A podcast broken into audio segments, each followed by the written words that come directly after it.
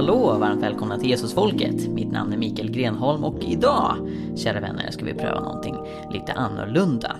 KG Hammar, ärkebiskop emeritus, eller före detta ärkebiskop för de som inte talar latin, var intervjuad i P1s söndagsintervju på påskdagen. Jag har lyssnat på det här programmet och jag tänkte, hmm, det här skulle jag vilja kommentera. Och varför då inte ta tillfället i akt att använda Jesusfolket för att göra detta? Precis som när jag och Joakim Marting och Ola Hörscher gav respons till P1-programmet Människor och tro där jag råkade vara med. Eh, så tänkte jag göra ungefär samma sak. Nu kommer bara jag vara den som kommenterar. Jag hoppas att ni står ut med det ändå. Eh, men det finns en hel del intressanta saker att peka på här. Mycket av söndagsintervjun är väldigt personlig. KG berättar om sin resa, svårigheter i sitt liv personligen. Eh, och, och, det är inte riktigt det som jag tänkte dissekera och bemöta eller kritisera på något sätt. Utan KGs resa är hans resa. Det, det är hans personliga erfarenheter och det är inte liksom min roll eller någon annans att recensera det. Eh, men det jag skulle vilja göra är att kommentera några av de idéer, inte minst förstås teologiska idéer som KG lyfter i det här programmet. Som de är noga på att påpeka i P1 var KG en väldigt kontroversiell ärkebiskop. Älskad av många och ogillad av en hel del också. Eh, inte minst på grund av eh, det man kallar för liberal teologi som, som KG främjade. Han använder själv det ordet i den här intervjun även om man inte gillar det. Eh, och det tog sig uttryck bland annat i att eh, KG ifrågasätter mirakler och att KG, KG ifrågasätter Eh, Bibeln som Guds ord och, och sådana saker. Samtidigt som han kämpade för fred och rättvisa och, och som de kommer in på intervjun så betraktas KG ofta som en vänsterkristen, en vänsterteolog. Nå, KG säger en hel del intressanta saker i den här intervjun och medan det finns en del som jag inte håller med om och som jag kommer bemöta utifrån min erfarenhet och, och det jag har funnit på min resa. Eh, så säger han också saker som jag håller med om. Och det tycker jag är, är väldigt intressant. Eh, inte minst så, så är han, liksom jag, less på den här vänster-höger-skalan överhuvudtaget. Och det var ganska roligt att höra för att eh, mitt intryck av KG hittills har varit att han är ganska bekväm med att kalla sig själv vänster. Men jag tror att han, likt mig själv, har sett brister med den otroligt eh, simplistiska eh, vänster-höger-skala som mycket av det västerländska livet orienterar sig efter. Och I den här intervjun så säger Kåg också en del saker om uppståndelsen och liv efter döden och hur vi ska förstå Gud eh, som jag tycker är väldigt problematiska och som jag menar är några av de absolut stora bristerna med hans ledarskap. Men min tanke med det här avsnittet är, är inte liksom att basha KG Hammar utan jag vill uppmuntra till teologiska samtal överhuvudtaget. Jag tycker det är jättebra att P1 tar med en kristen teolog. Även om det finns andra som jag själv håller med om mer. Så är det mycket bra att de åtminstone lyfter teologi. Eh, åtminstone på påsken.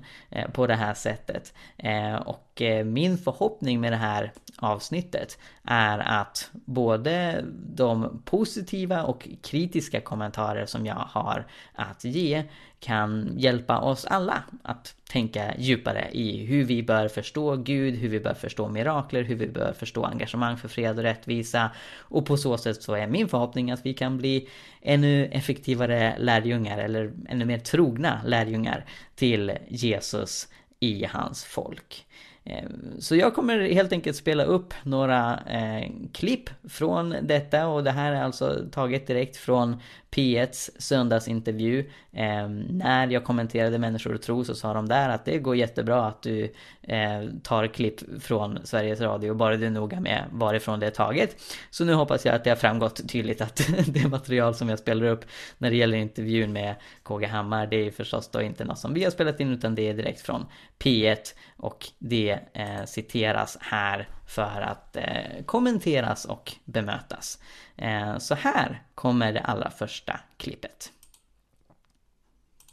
Hur eh, gick det mötet mellan din barnatro, då får man kanske kalla den, och mm. att komma till Lund och bli ifrågasatt för, att, för det du trodde på?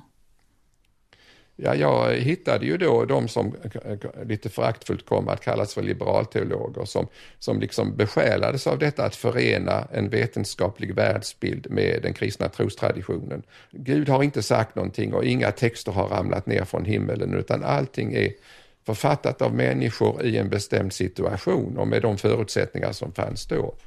Och att det gäller för oss att avläsa texterna eh, i en förståelse hur de kom till och i en utmaning för de nutida frågeställningarna.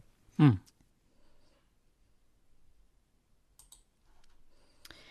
Yes, eh, som ni kanske förstår så är detta ett avsnitt eh, taget Ehm, ganska långt in i intervjun. På grund av tidsskäl, alltså hela intervjun är hela, hela 60 minuter så kan jag förstås inte kommentera allt som sägs. Och som sagt, en hel del av det som sägs tycker jag inte är värt att kommentera. Det är när KG berättar personligen om vad som har hänt i sitt liv. Det här är ju, det berör ju det, hans resa, han, han när han pluggar i, i Lund så utmanas hans barnatro som han har fått med sig av eh, ateistisk eh, filosofi. Eh, Eh, men det jag tänker är värt att påpeka här är just hur KG beskriver då den teologi som han kom att utveckla för att hantera den ateistiska kritiken. Som går ateismen till mötes ganska långt. Och han uttrycker det bland annat eh, med att säga att Gud har inte sagt någonting och, och det har inte ramlat ner någon skrift från himlen utan det är människor som har producerat de bibliska skrifterna. Och, eh, senare i intervjun så, så kommer han som intervjuare och jag har tyvärr glömt namnet på honom. Jag hoppas kunna kolla upp det under inspelningens gång här. Eh, men, men han som intervjuar lyfter just det som Koga har sagt om skrifterna och uttrycker det som att ja, du tror ju inte att skrifterna är gudomliga. Eh, varav Koga rättar honom, nej det är väl inte riktigt det jag säger. Eh, så jag skulle tro att, att det han säger här, att Gud har inte sagt någonting, är lite av en, en felsägning. På något sätt menar väl KG, likt de allra flesta kristna, att eh, Gud har inspirerat skriften. Eh, men sen så hamnar ju KG väldigt långt från en evangelikal syn på Bibeln. Eh, I och med att han menar att Bibeln innehåller en hel del som Gud rätt och slätt inte står för. Och det finns förstås ett, ett spektrum mellan en rent ateistisk syn på Bibeln, att Gud har inte sagt någonting, det här är 100% mänskliga skrifter.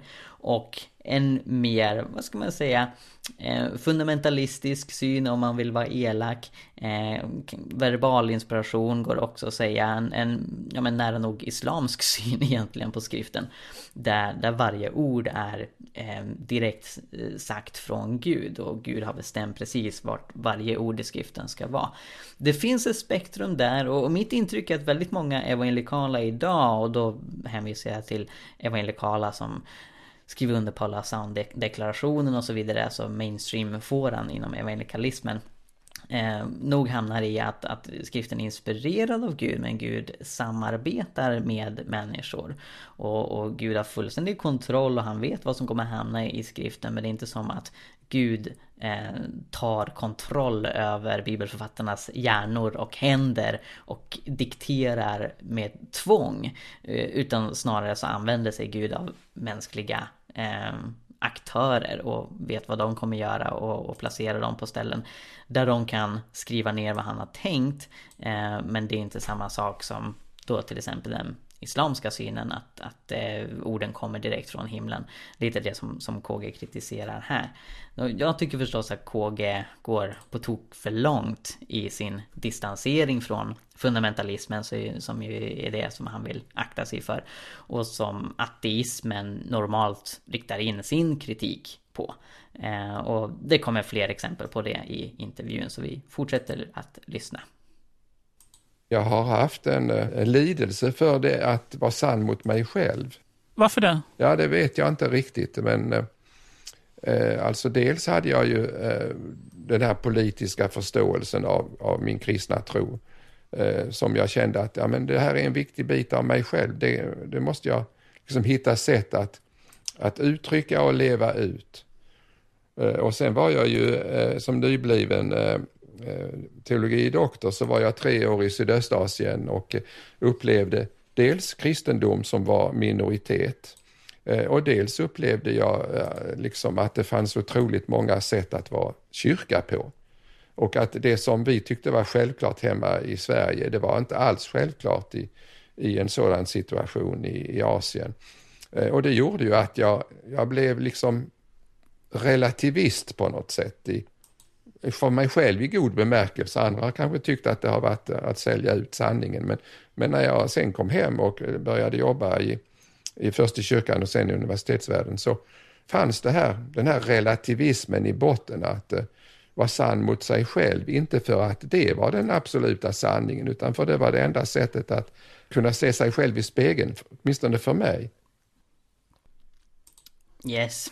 Nu har jag här eh, bakom kulisserna hunnit eh, kolla upp vem det är som gör söndagsintervjun och det är Martin Wiklin som egentligen gör alla söndagsintervjuer och som ni hör så är jag inte en regelbunden lyssnare på programmet men det är Martin Wiklin som, som KG konverserar med. Då här är KG inne på någonting som man ofta återkommer till eh, i det han har skrivit och, och, sagt tidigare, inte minst under sin tid som ärkebiskop. Vilket är ärligheten mot sig själv. Eh, vilket i, i grund och botten är någonting bra. Man ska inte fejka en andlighet, man ska inte fejka en tro som man inte har. Det finns ett problem med att en person som, och det här har KG uttryckt eh, väldigt tydligt, har lockats av ateismen och har anpassat sin tro till ateismen. Att en sån person blir ärkebiskop. Eh, det är väldigt problematiskt.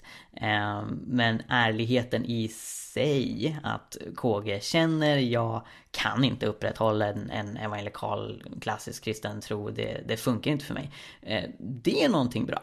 Så, så, det finns en skillnad där mellan att ehm, vad ska man säga, förespråka fejkad andlighet, vilket jag absolut inte gör. Och sen tycka att KG Ammar borde inte ha blivit ärkebiskop. Eh, utifrån att, att eh, den rutt som han pekar på eh, inte leder till ett lärjungaskap som, som Jesus uttrycker det skulle jag säga det. Till viss mån gör det det men eh, inte helt och hållet. Eh, om man uttrycker det milt. Eh, KG säger att ett led i, i sin ärlighet gentemot sig själv är att han blir relativist efter att ha sett hur kristendomen uttrycks på väldigt olika sätt eh, ute i världen och han nämner då specifikt eh, i Asien. Då, att kristendomen tar sig till uttryck på olika sätt är inte nödvändigtvis rent logiskt eh, samma sak som ett motiv för relativism. Att KG landar där är återigen en, en del av hans personliga resa. Eh, men skulle jag säga att relativism är någonting som logiskt sett följer av att man ser att det finns olikhet? Nej. Vad menar vi med relativism? KG går inte in särskilt djupare på vad, vad, han lägger i det. Men det blir tydligt i den här intervjun att han till exempel tänker sig flera frälsningsvägar. Så utifrån att han har sett en diversitet, en mångfald i olika kristendomsuttryckssätt. Eh, så, så landar han då, och det kanske inte enbart därför, men han landar i att alla religioner leder till Gud. Eh, så att det inte finns liksom en objektiv sann väg. Det stora problemet med relativismen är att den är självmotsägande. och KG kommer in på det här lite själv också. Att han, han själv kan ju inte säga att relativismen är den enda sanningen. Därför att eh, själva idén om en enda sanning går emot relativismen. Men han betonar att det här, det här är vägen för mig. Ehm, men återigen, även det är ett eh, påstående. Eh, om, om relativismen är sann, då borde det vara vägen för KG samtidigt som det inte är det. Och det borde vara vägen för alla samtidigt som det inte är det. Så, så det finns en grundläggande självmotsägelse i relativismen. Eh, vilket gör att den är svårt att hålla på ett konsekvent sätt. Och, och, det är väldigt svårt att hålla den om man ska orientera sig efter eh, Jesus och, och de tidiga kristna och vad, vad de säger om sanning. De säger att Jesus är sanningen. Och det är väl i grund och botten någonting som KG håller med om och sen tycker han att det är svårt att komma fram till vad, vad Jesus faktiskt säger och tycker. Eh, men i grund och botten så, så finns, alltså det är, en, det är en återvändsgränd att säga att, att sanningen är relativ och att det inte finns något objektivt sant. Eh, och det tycker jag inte att KG lyfter särskilt mycket för jag gissar att han inte håller med om det. Och där tänker vi olika helt enkelt. Vi fortsätter lyssna på PS-programmet. Kyrkan fram till dess, eller på den tiden, var ju, var ju väldigt konservativ. Det var ju en del av det, det, det bestående. Eh, fanns det även den här, det som var 68-vänstern, fanns det något sånt som ni också kom in med när ni skulle in i kyrkan och, och göra om? Eh, ja, det kan man väl säga att eh, detta att inte vara politisk, det är ju en väldigt konservativ hållning. Men om man i Jesu efterföljd, som vi tolkade Eh, hörde att Jesus säger ni ska försöka förvandla det samhälle ni lever i så att det blir mer likt Guds rike. Så blev det ju en väldigt eh, politisk eh, hållning. Och det har vi blivit eh, anklagade för att vi vänstervred Svenska kyrkan. Men om man tittar på vad vänster eh, partier har stått för i, i, den reella politiken så är det ju sällan som vi har liksom sagt att ja, men det är det som är, vi, vi ska propagera, utan vi har stått för en, en radikal eh, syn på internationell solidaritet, eh, fattigdomsbekämpningen, eh, klimatfrågor väldigt tidigt. Eh, Svenska kyrkan började redan kring 1990 att driva de här frågorna eh, på ett mycket mer radikalt sätt än, eh, än vad samhället och politikerna gjorde. Det, det viktiga var att man ser att ett liv i Jesu efterföljd, det handlar om eh, politik och det handlar om förvandling av de samhällen vi lever i och den värld vi lever i. Sen får andra mm. kalla det höger eller vänster. Jag tycker det skulle vara pinsamt för högern att tycka att det där är bara en vänsterfråga. Yes, här kommer vi in på den del av intervjun där jag blev väldigt positivt överraskad och eh, kände, ja, jag, jag håller med om mycket av det som KG säger här. Eh, om det är någonting jag skulle invända mot är det väl det han säger allra först i det här klippet som jag spelade upp. Nämligen att idén om att tron inte ska vara politisk är en konservativ idé. Ehm, det faller lite i hela vänster-höger-bluffen som sen KG är inne på och, och, och, bemöter och kritiserar. Ehm, som sagt, jag tror att, att KG är mer bekväm att placera sig utifrån vänster-höger-skalan än vad jag själv är. Men jag skulle inte säga att, att det är en konservativ idé att tron inte ska vara politisk. För jag tror inte det finns några konservativa idéer. Eh, det finns idéer som kallas konservativa men det går inte att pinpointa dem för att de håller inte över tid och rum. Utan det är en idé som, som flyter omkring och eh, eh möjligtvis nu, nu spekulerar jag lite grann här. Vi, vi, behöver inte ens gå in på vad, vad, vad KG menar med detta. Men om, om jag själv ska kommentera idén att, att tron inte är politisk Eh, så har jag aldrig sett den eh, konsekvent efterföljd. Eh, så personer som säger Hör du, du ska inte säga sånt där för det där är politiskt och du är pastor eller du är präst och du ska bara prata om tro. De är otroligt bekväma med att vara politiska när det gäller andra frågor. Eh, och det är väl snarare på grund av eh, att eh, vi som kommenterar samhällsfrågor utifrån vad Bibeln säger har en större auktoritet och, och är lite läskigare än de som bara debatterar politiska frågor och samhällsfrågor utifrån eh, vad man ska säga mer allmän moral eller utan att, att dra in tron i det hela. Då, Ehm, KG Hammar poängterar att de frågor som han drev, vilket var då bland annat eh, fattigdomsbekämpning, klimat, ehm, flyktingars rättigheter och så vidare, saker som jag själv skriver under helt och hållet på. Ehm, är ju inte nödvändigtvis samma saker som vänsterpartier driver och i vart fall inte på samma sätt. Och det är ju förståeligt att, att det kallas för vänster och uppfattas som vänster för att det är saker som förknippas med vänster. Även om just klimatfrågor och miljöfrågor. I grund och botten, om det fanns konservativa idéer så borde det vara en konservativ idé att vi ska bevara miljön. Eh, för om, om det är någonting som man ska kunna runda av konservativa idéer kring så borde det ju vara eh, konserveringen av saker, att, att bevara saker. Eh, så det är överhuvudtaget märkligt och ett, ett tydligt exempel på att vänster-högerskalan inte funkar. Att det upplevs som vänster att, att engagera sig för miljö och klimat. Eh, på samma sätt är, är idén om fri invandring en liberal idé. Och liberalismen var ju ursprungligen en vänsterideologi för att det inte fanns något annat än liberalt och konservativt. Och sen kom socialismen placerades ännu mer till längre till vänster så blev liberalismen i mitten och numera så, i vart fall i Sverige, så grupperas liberalismen ofta tillsammans med högern och konservatismen. Eh, så, så det är ett virvar där som vi skulle kunna prata länge om. Eh, nå, när, när KG lyfter det här att, att det vi driver inte nödvändigtvis samma sak som eh, vänsterpartier driver eh, så har han ju i grund och botten rätt och, och, och, det man absolut bör betona som engagerad för fred och rättvisa och miljö och flyktingars rättigheter och så vidare det är ju att kristna engagerar sig i det här långt innan det ens fanns en vänster-högerskala. Så hur skulle det kunna vara vänster eller höger att engagera sig för fred och rättvisa när de tidiga kristna gjorde det? När fornkyrkan gjorde det, urkyrkan gjorde det, vi ser det i Bibeln hur kristna engagerar sig för de här frågorna. Och visst på den tiden så hade man inte multinationella biståndsorganisationer, på den tiden hade man inte klimatavtal. Så visst, det ser annorlunda ut idag.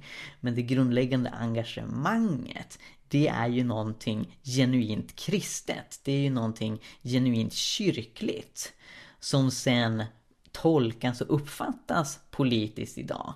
Eh, utifrån eh, det här liksom rö rödblåa bioglasögonen som folk har på sig när, när allt ska tolkas som vänster eller höger. Men det är ju i grund och botten eh, en fråga om kristen efterföljelse. Eh, och när KG använder ordet politik, då, då använder han det med ungefär samma sak som, som samhällsengagemang. Jag som sympatiserar med den anabaptistiska kristna traditionen eh, gör en, en distinktion mellan samhällsengagemang och eh, vad ska man säga, politiskt engagemang i form av karriär eller i form av att, att söka politisk makt. Så jag personligen är, är väldigt skeptisk till att kristna blir politiker och engagerar sig i riksdag och så vidare. Eh, medan jag är väldigt positiv till att man engagerar sig i debatten och försöker påverka politiker. Jag är helt enkelt mycket mer bekväm med att kristna intar en roll av Johannes döparen som kritiserar Herodes snarare än att kristna försöker vara Herodes. Eh, och där tror jag att jag och KG Hammar tänker olika. Men i grund och botten så uppskattar jag det han uttrycker här om att eh, engagemanget för fred, rättvisa och miljö som KG drev på inte handlade i grund och botten om att vara vänster. Det uppfattas som det. Eh, men han, han tycker att de som identifierar sig som höger lika gärna borde engagera sig i det här. Och jag säger ja amen till det. För vänster-högerskalan har ingenting med det här att göra. Det här har att göra med att följa Jesus. Och, och det ägnade sig kristna åt innan 1789 när vänster-högerskalan dök upp. Alright, vi fortsätter att lyssna. Um, 1997 så blir du vald till ärkebiskop. Mm. Eh, det var väldigt intressant för mig att gå tillbaka och titta i arkiven eh, hur det såg ut där i början av millenniet. Och den bilden jag får är verkligen av, av dig som Sveriges första moderna, radikala ärkebiskop. Du hamnade väldigt rätt i tiden kan man säga, hur tidens vindar blåste. Eh, och du blir väldigt populär snabbt utanför kyrkan framför allt. Samtidigt som det gnisslas lite bland interna, internt om att du pratar för lite om Jesus. Eh, det kanske borde ha varit mer taktiskt och ibland rent av hållit tyst. Ja, alltså jag kände ju eh, på ett sätt som min främsta uppgift att kommunicera inte i första hand till kyrkan i snäv mening utan till det svenska folket där ju de ändå flesta ändå var medlemmar i, i kyrkan jag har liksom sen barndomen upplevt att svenskarna inte är så oandliga som de själva tror att de är. Att det är mycket en fråga om eh, vilket språk vi använder och vilka erfarenheter vi liksom lyfter fram. Genom eh, religiösa traditioner eller genom naturen eller genom det sociala samspelet och sådana saker.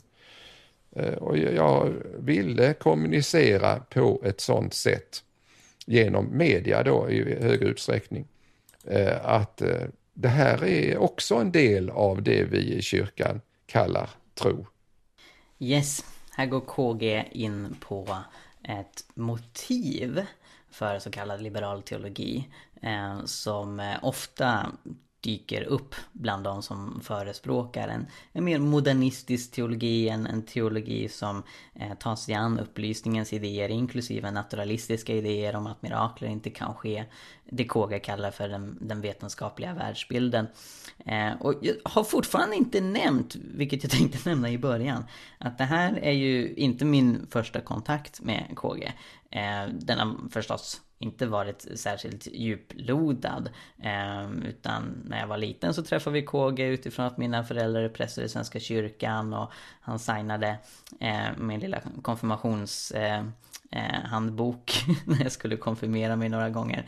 Eh, men sen så har min främsta kontakt med KG varit när jag skrev B-uppsats eh, på Johannelunds teologiska högskola eh, som heter Are Miracles Real? Där jag jämförde KGs syn på mirakler med påven Franciscus och eh, min vän Surprise Itole i Sydafrika som eh, har varit med och sett åtta människor uppväckas från döden.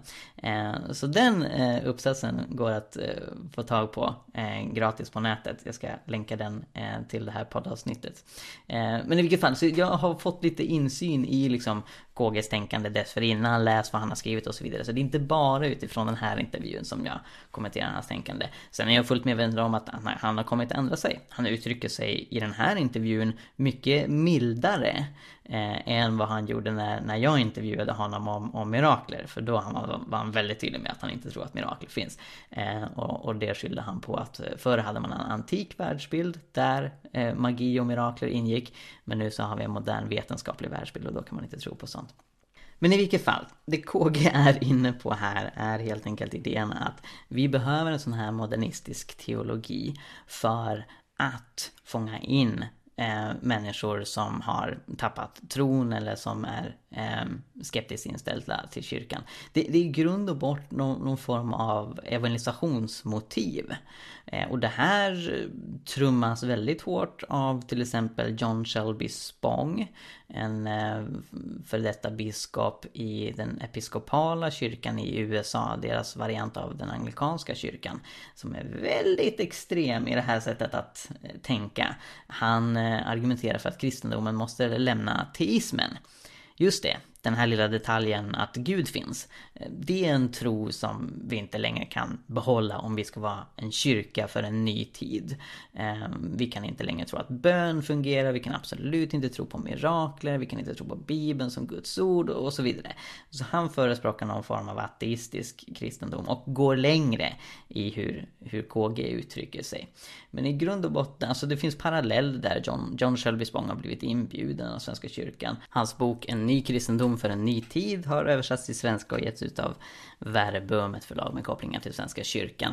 Eh, och, och det han lyfter är helt enkelt att kristendomen kommer dö om, om vi inte anpassar budskapet här. Så för att folk ska fortsätta gå i kyrkan, för att kristendomen ska finnas kvar, så måste vi uttrycka det här på ett annat sätt. Och KG Hammar är inne på en liknande linje, att han brinner för att eh, nå människor som inte går i kyrkan med budskapen om att du är också andlig och du behöver också det här. Och för att lyckas med det så behöver han förändra budskapet väldigt mycket, så man kan inte stå på de klassiska eh, grunderna med, med Bibeln som Guds ord och mirakler och allt det här utan måste uttrycka det på ett annat sätt. Och det man ska vara medveten om är att rent empiriskt så verkar det verkligen inte fungera med den här strategin att få in folk i kyrkan genom att eh, kraftfullt anpassa det kristna budskapet till bland annat ateistisk kritik. Utan det vi kan se både i Svenska kyrkans fall och den episkopala kyrkan i USA och flera andra eh, kyrkor som har fört in modernistisk teologi eller liberal teologi är att deras medlemsantal sjunker massivt. Och en vanlig tolkning av det är att när budskapet är att det egentligen inte finns något unikt kristet här utan eh, du kan bli frälst hur som helst och vi erbjuder andlighet som går bra med, med vilken livsstil du än har och vilken trosuppfattning du än har. Så uppfattar folk kyrkan som irrelevant. Alltså, varför, varför ska jag då till er? och inte gå till ett buddhistiskt tempel eller bara liksom leva mitt eget liv och, och strunta i, i snacket om andlighet överhuvudtaget. Så, så det finns inte särskilt mycket attraktionskraft i den här formen av så att säga evangelisation. Och det understryks inte minst av att väldigt ofta i dessa kretsar så kritiserar man evangelisation och man kritiserar just ambitionen att föra människor till tro på just Jesus. Eh, hela idén om, om universalismen och flera vägar till Gud som kåken kommer in på senare eh, verkar också underminera ehm, strävan efter att, att faktiskt föra folk till tro. Eh, så det tycks helt enkelt inte funka. Ytterligare en grej som jag vill påpeka som jag tycker är väldigt intressant är att det finns en parallell med, med, medan hur KG Hammar uttrycker sig här om, om sin mission att, att nå människor som inte går i kyrkan.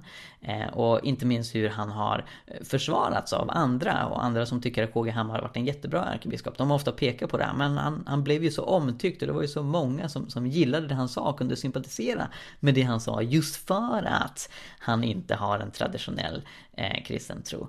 Det finns en parallell mellan det och Jordan B. Peterson.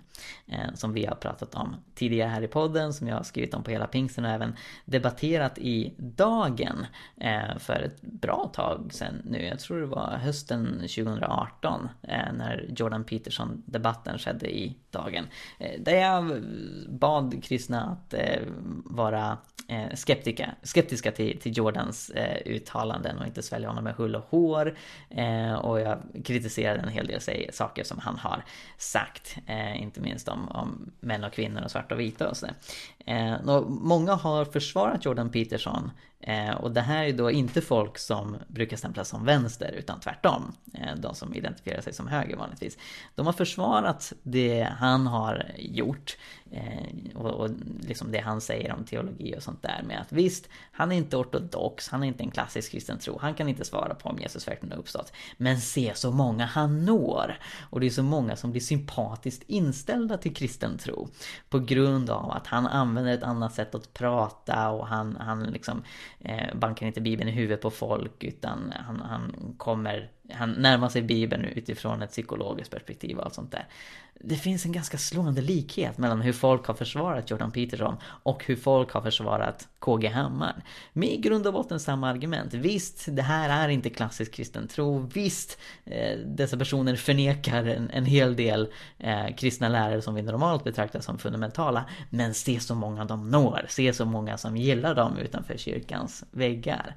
Eh, och jag är ju evangelist. Jag brinner för att nå människor utanför kyrkans väggar. Men jag brinner för att nå dem med det sanna, klara evangeliet. Det evangeliet som predikades av Jesus och det evangeliet som predikades av den tidiga kyrkan. Jag tror verkligen inte på strategin att förändra budskapet radikalt. Kulturellt anpassa det, ja, visst. Använda ord som funkar, ja men ja, visst. Alltså, jag uppmuntrar till kreativitet för att eh, det evangeliska budskapet ska vara begripligt. Men jag vänder mig starkt emot att förändra det.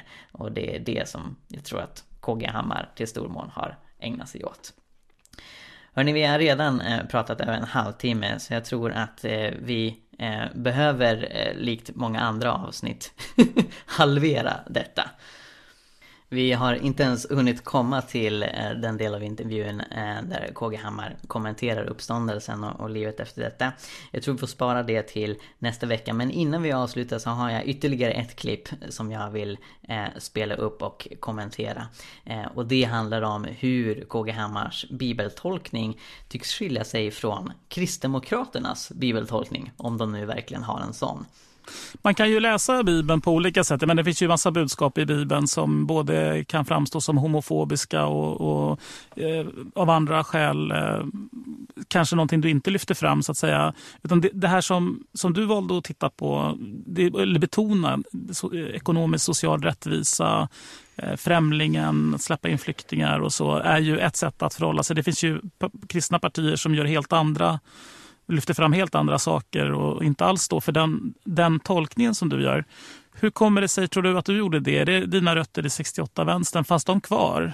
Att du tidigare, förvisso för länge sedan, men ändå har kallat dig socialist och så? Mm.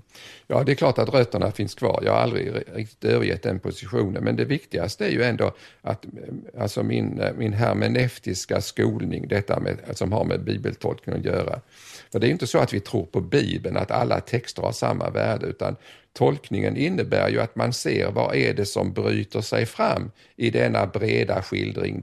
Eh, och det gäller ju att man liksom inte säger, inte säger att, att vara kristen är att tro på Bibeln, för då får man problem. Men om man säger att det är att tro på Gud, och för oss kristna är Jesusgestalten då det som pekar på vad efterföljelse är. Eh, och då är det svårt att, att inte bli politisk. Och när människor sa att jag eh, pratade för lite om Jesus så, eh, så beror ju det på att för Jesus för mig är en, en livsväg. Va? det är inte att bara säga Jesus, Jesus, Jesus i alla lägen, utan det är att försöka hitta den här efterföljelsens väg som är radikal och utmanande. Eh, och det hittade jag hos Dag Hammarskjöld, för man klagade ju ofta på att Jesus inte fanns eh, så mycket nämnd i, i vägmärken. Men han själv skulle säkert ha svarat, ja men Jesus är ju på varje sida. Det handlar hela tiden om att, att urskilja var finns Jesus i den här livssituationen och var är vägmärkena, hur ska jag följa honom, även där jag inte har koll på läget. Ja, här pratar Martin Wiklin om eh, kristna partier som når en annan eh, slutsats vad gäller Bibelns syn på flyktingar än vad KG gör. Eh, det finns ju bara ett parti som har krist i namnet. Jag vet inte om, om Martin tänker sig att Sverigedemokraterna är en form av kristet parti. Eller om han helt enkelt inte ville nämna Kristdemokraterna vid namn och drog till med ett plural som inte är så begripliga. Kristdemokraterna skulle för övrigt inte säga att de är ett kristet parti utan att de bygger sina värden på eh, den kristdemokratiska ideologin som förvisso har, har kristna värderingar men de har ju inget krav på eh, att man ska tillhöra en viss tro för att vara med i partiet. Eh, och jag har aldrig sett någon form av kristdemokratisk bibelmotivering till deras eh, extrema omsvängning, om, omsvängning eh, i flyktingfrågan. Eh, finns möjligtvis eh, enskilda kristdemokrater som har angett eh, liksom, olika bibelställen som, som motivering för att ha en, en hård och eh, väldigt utvisande eh, flyktingpolitik. Eh, men jag har ju faktiskt följt den här debatten ganska noga just hur, hur kristna eh, tänker i migrationsfrågan. Eh, och, och jag har då inte sett ens liksom, eh, kristdemokratiska politiker särskilt ofta eh, ange bibelställen eller ha någon form av teologisk motivering till, till det de gör. Utan, utan det man ofta gör är, är mer, vad ska man säga, sekulära resonemang. Eh, och ofta väldigt pragmatiska. Ja, vi skulle vilja ta emot fler men det kan vi inte. Eller åh, vi hjälper bättre på plats, precis som Sverigedemokraterna säger och så vidare och så vidare. Eh, utan när jag har stött på kristna som försöker argumentera teologiskt då har det dels varit eh, Mattias Karlsson i Sverigedemokraterna som redan 2012 på sin blogg sdkarlsson.wordpress.com eh, publicerade en ganska lång essä om, om hur han menar att, att Bibeln kan tolkas på ett sätt eh, som vänder sig mot flyktinginvandring. Eh, och eh, eh den essän gick ju ut på till allra största del att förklara varför den mängd bibelställen som tycks säga något annat inte egentligen gör det. Han når till exempel slutsatsen att budskapet som Jesus försöker förmedla eh, när det gäller den barmhärtiga samarien är att vi ska enbart älska de som visar barmhärtighet gentemot oss som någon slags anti-älska era fiender budskap. Och sen så nämner han ju inte älska era fiender, jag vet inte ens om han har koll på den texten. Eh, I grund och botten är den extremt dålig och virrig och exegetiskt usel Eh, text. Eh, vilket finner sin förklaring i att Mattias Karlsson inte är teolog, exeget eller ens kristen. Vilket han är öppen med i texten. Jag är inte teolog, jag är inte ens eh, troende kristen. Men nu, nu gör jag ett försök här. Nå, hans försök är det längsta som, som citerar flest bibelverser. Ytterligare försök, och det här har vi gått igenom nyligen i ett poddavsnitt, eh, om, om eh, vad Bibeln säger om eh, flyktingar och invandrare. Eh, alltså de, de vanligaste försöken som har gjorts av Lars Eklund och andra De är ju extremt sparsamma med, med bibelreferenser. Eh, Min debatt nyligen med Johannes Enarsson eh, där, där Johannes eh, bara kunde Alltså han pekade på tre bibelverser eh, Men eh, två av dem tycker jag bara stödde min sak. Det handlar om att man ska hjälpa de som är utsatta och fattiga. Och den tredje versen var första Timoteusbrevet 5 och 8 eh, Och ni som har lyssnat på tidigare poddavsnitt eh, vet varför jag inte alls tycker att, att den versen vänder sig mot invandring. Den nämner inte ens invandring. Så, så i grund och botten, alltså det, det eh, programledaren, vad var han hette nu igen?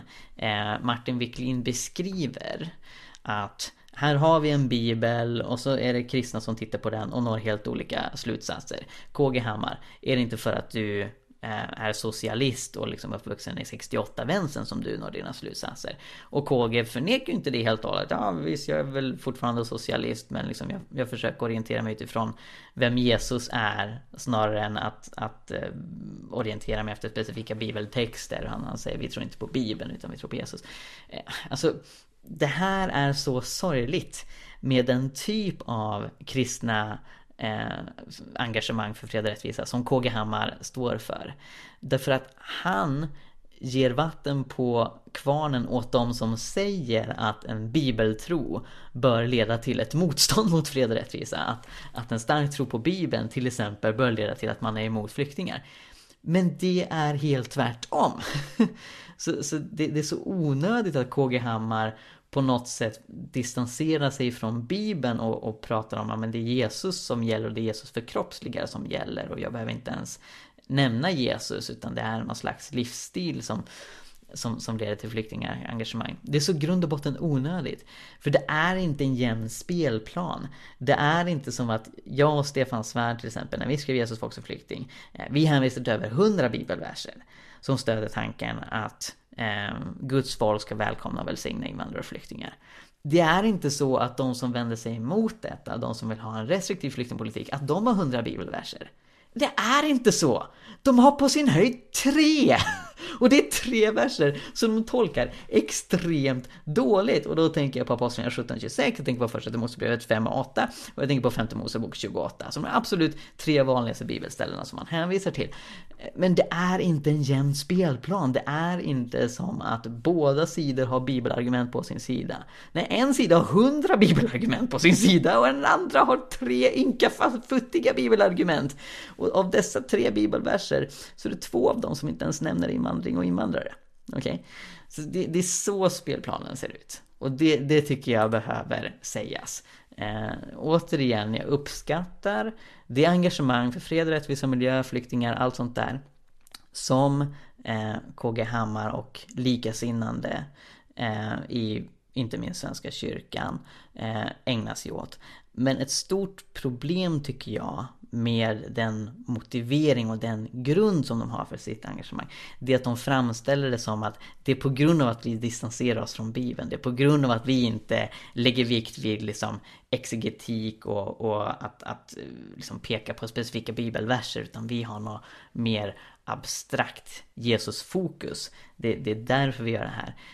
Det är ju samma sak som att säga att om man fokuserar på djuplodade bibelstudier så kommer man nå en annan slutsats. Och så är det inte. Jag förstår att KG tänker så när han till exempel resonerar kring eh, sin hållning i samkönade relationer. Något som de för övrigt går in på i, i det här avsnittet med Eke Homo och, och allting. Och vi har inte tid att liksom kommentera det djup, djuplodande. Men jag förstår att KG i den frågan tänker okej, okay, om jag har en evangelikal eh, bibeltolkning så blir det svårt att motivera min hållning här. Så därför trycker jag på att Jesu karaktär är kärlek och därför ska vi välkomna och välsigna samkönade relationer. Och på något sätt så, så motiverar han, han sitt flyktingengagemang på samma sätt. Att ja men vad, vem är Jesus här? Ja men Jesus är välkomnande, Jesus är kärlek, därför ska vi välkomna flyktingar. Eh, men det gör hela motiveringen så mycket svagare när vi i flyktingfrågan de facto har en situation där det finns hundratals bibelverser som talar om att välkomna och välsigna flyktingar. Det finns inte en enda bibelvers som motiverar tvångsutvisningar, eller som säger att tvångsutvisningar är bra. Ja. Men det är tvångsutvisningar som de som eh, är emot flyktinginvandring vill ha. De vill ha massvis med tvångsutvisningar.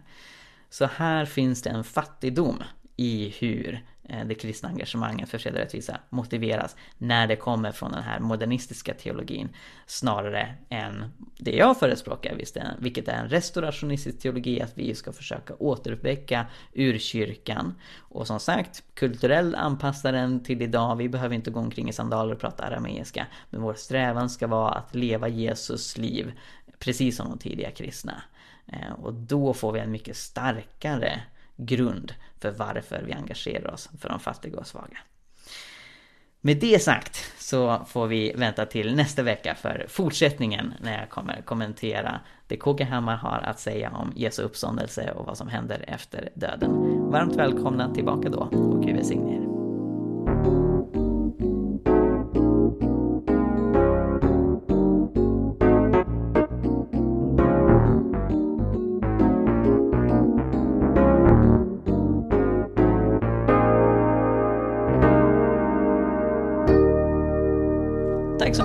Liksom på Jesusfolket. Om du vill höra mer så se till att prenumerera på iTunes, Spotify eller valfri podcastapp. Du kan också lämna en recension, vilket är en eh, liten grej att göra som hjälper oss väldigt, väldigt mycket, så det uppskattar vi verkligen. Eh, du kan också läsa vår blogg, Hela Pingsten. Vi har mängder med artiklar där om andens gåvor, evangelisation, fred, rättvisa och allt möjligt annat som har med lärjungaskap att göra, så kolla in det. Och vi finns på sociala medier, du kan följa både Jesusfolket och Hela Pingsten på till exempel Facebook. Tack så mycket, Gud välsigne dig och eh, fortsätt vara en del av Jesusfolket.